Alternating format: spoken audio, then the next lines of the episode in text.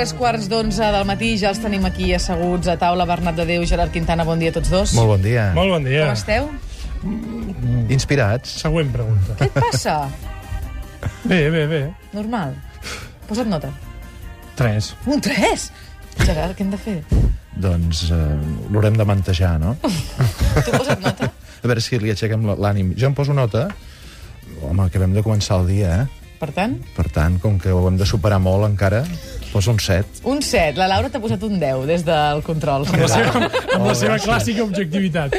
A veure, el que està clar és que ha arribat el mes de juny i amb ell les places de Catalunya comencen a omplir-se de dansaires sardanis- sardanistes, perdó, perquè comença l'època de la sardana. Per això avui els nostres músics han decidit dedicar les seves lliçons desordenades doncs això, aquesta dansa tan nostrada, la sardana, que abans hem fet una roda de preguntes amb en Xavi i en Pere, cap dels tres sabien ballar sardanes. Què està No? passant aquí? Vull dir que potser que fem una classe un Jo, dia, eh? jo en sé, però a la meva manera. Què vol dir això? Que no, segurament no tinc ni idea de ballar la sardana. Que els moviments, els moviments no Però si em poses allà, jo, jo ballo. Ah, sí, a mi també. Ara, que ningú em segueixi perquè ens perdríem tots. Acabaríem fent la conga de Jalisco. És una dansa Sí, atonal. això em, em passa amb totes les danses, eh? Vaig intentar ballar el tango i, i vaig acabar ballant sol, també. És massa, massa impulsiu.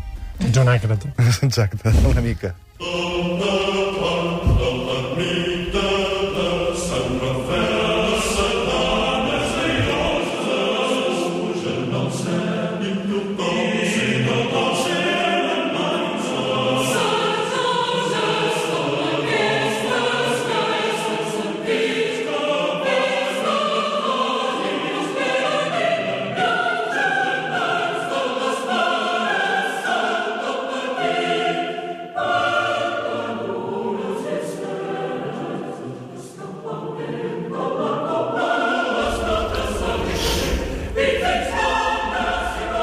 Ja puc, parlar? Per favor, com a vulguis. l'estudi passen moltes distraccions eh, i un músic li costa explicar el que, el que ha de posar. I més quan és una de les nostres sardanes més nostrades, la sardana de les monges, eh, d'Enric Morera, i cantada pel cor líder càmera, dirigit pel seu titular, per Josep Vila, eh, un dels cors més nostrats.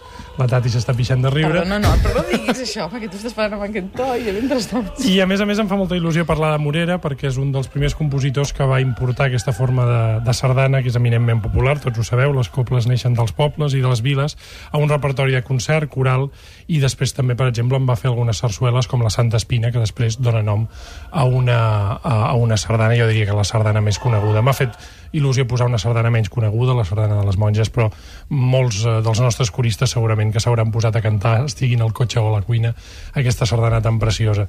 Morera és un autor que hauríem de recuperar eh, les cançons del carrer, que molts guitarristes hem tocat acompanyat, acompanyant algun cantant.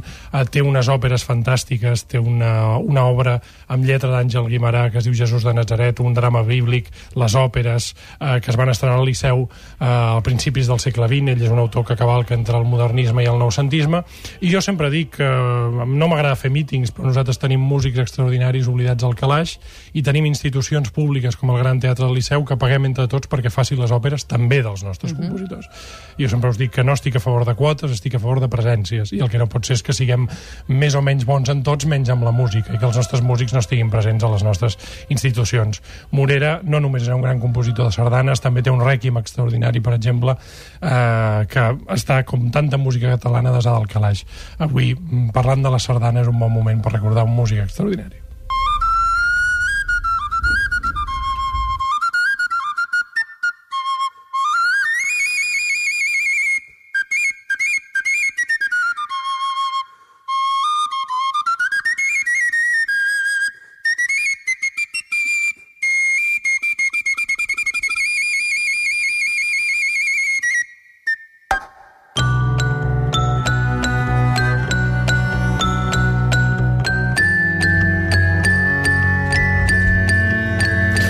Per lligar bé la maionesa amb el, amb el Bernat, podria haver posat eh, una peça d'aquest eh, músic que estem sentint immens, de Pascal Comalada, que es diu L'espinosa ètica de la Santa Espina, precisament a partir de la sardana, la Santa Espina d'Enric Morera, del que estava parlant el Bernat fa un moment, però he posat aquesta sardana dels desemparats.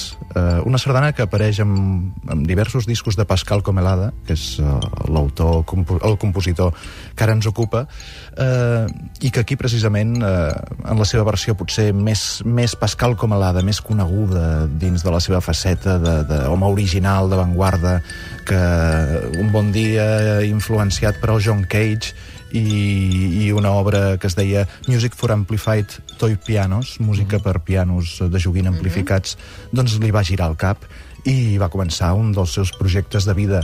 Eh, no haurem de dir massa coses de Pascal Comelada. A aquestes hores, tot i ser, eh, aquestes alçades, tot i ser un músic d'avantguarda, un músic que no és de majories, ja és prou conegut a casa nostra. Un músic nascut a Montpellier, eh, que viu a Saret, i que, curiosament, tot i eh, ser molt amant del rock eh, i recollir-ho amb discos, amb versions de temes coneguts dels Stones i de tanta gent, dels Clash fins i tot, eh, això ho combina, eh, i aquest esperit d'avantguàrdia ho combina amb un, amb un lligam molt gran amb la tradició, no? Eh, té discos sencers dedicats a, a cançons, a música popular del, de la Catalunya Nord, i també amb aquesta especial atenció a la sardana. Eh, Pascal Comelada va viure aquí a Barcelona també uns quants anys, a Gràcia, va fer força lligam amb diversos músics, des de Quico, Quico, perdó, Quico Pi de la Serra, carai, com em costa dir Quico aquest matí. Quico, és que... Quico Pi de la Serra, Maria del Mar Bonet, eh, i altres músics, i altres, eh, i altres personatges, com el mateix Enric Casasses, amb el que segueix treballant, o Víctor sí, Nubla, dins de el la... Festival de Poesia van fer un concert magnífic, el Casasses i el Comelada. Per exemple, són, són una parella de fets, jo crec, mm. que, que arreu de... Avui esperàvem aquesta sardana. Arreu van, la sardana dels desemparats. sí, sí. Et sents més emparat, ja? Estic una mica millor. Em poso un quadre. Thank you.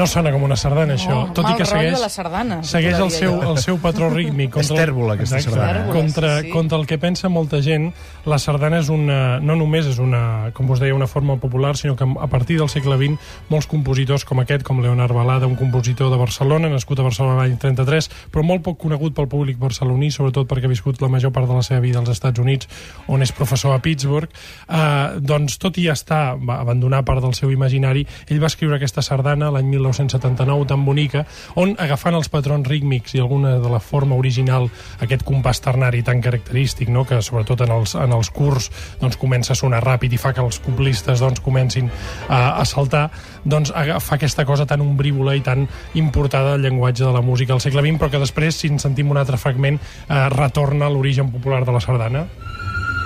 Eh, sentiu ja el flaviol, en aquest cas és una flauta, i ara ja sentireu la copla genuïna dins d'una orquestra sinfònica.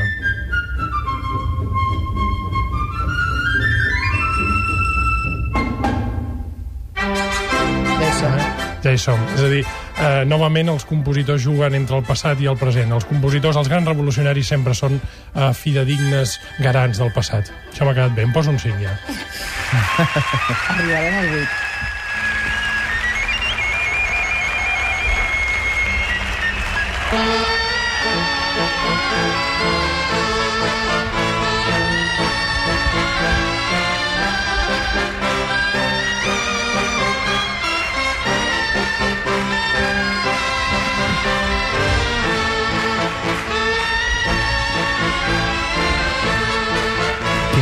Aquesta melodia, no? El ball llunàtic de la companyia elèctrica d'Arma.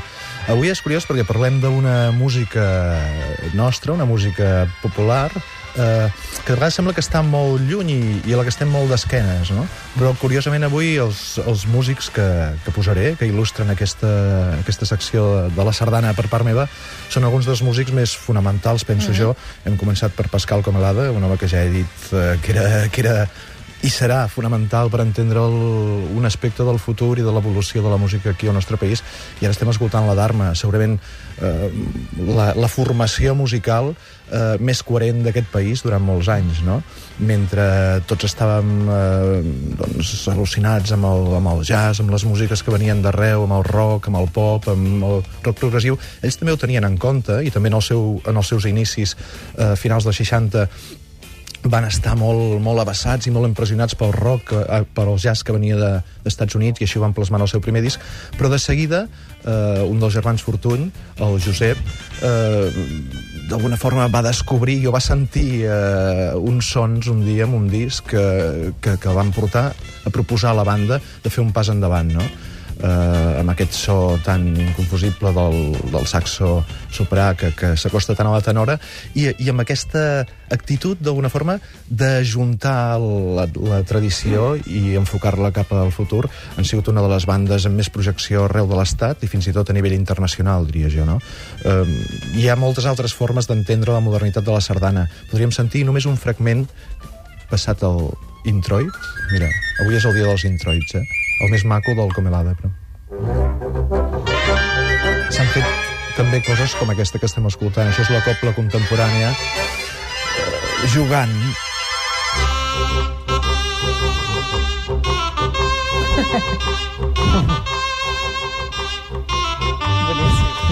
Sí, això es diu exactament Darth Vader eh, buscant l'arca perduda, per exemple, no? hi ha sentit de l'humor, hi ha moltes coses en el món de la música de la sardana i no és tan eh, escleròtic o tan, tan eh, arcaïtzant ni està tan enterrada com alguns diuen.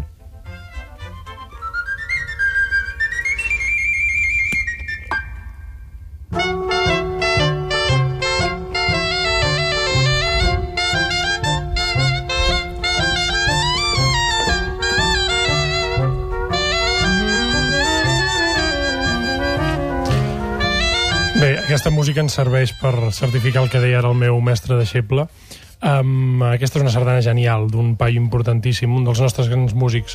Uh, amb Domènec Tarradellas i amb Ferran Sor, segurament el músic més important de la nostra tradició, Robert Gerard. Uh, sentíeu aquest inici de sardana era pràcticament una peça de jazz. No, el que fa Robert Gerard i molts músics del segle XX és importar una forma típica, és a dir, sentíem el flaviol, sentim un, una formació, en aquest cas, de 12 instrumentistes de vent, uh, però adaptada, adaptada al llenguatge contemporani. Um, totes les danses del barroc, per exemple, cultes, són danses que comencen sent danses tradicionals de la tradició. Uh, I, per tant, no ens ha de fer por que la sardana sigui una música culta i que puguem fer uh, en una forma de concert. Per tant, uh, avui més que mai reivindiquem una forma que és popular, però que justament per això és culta.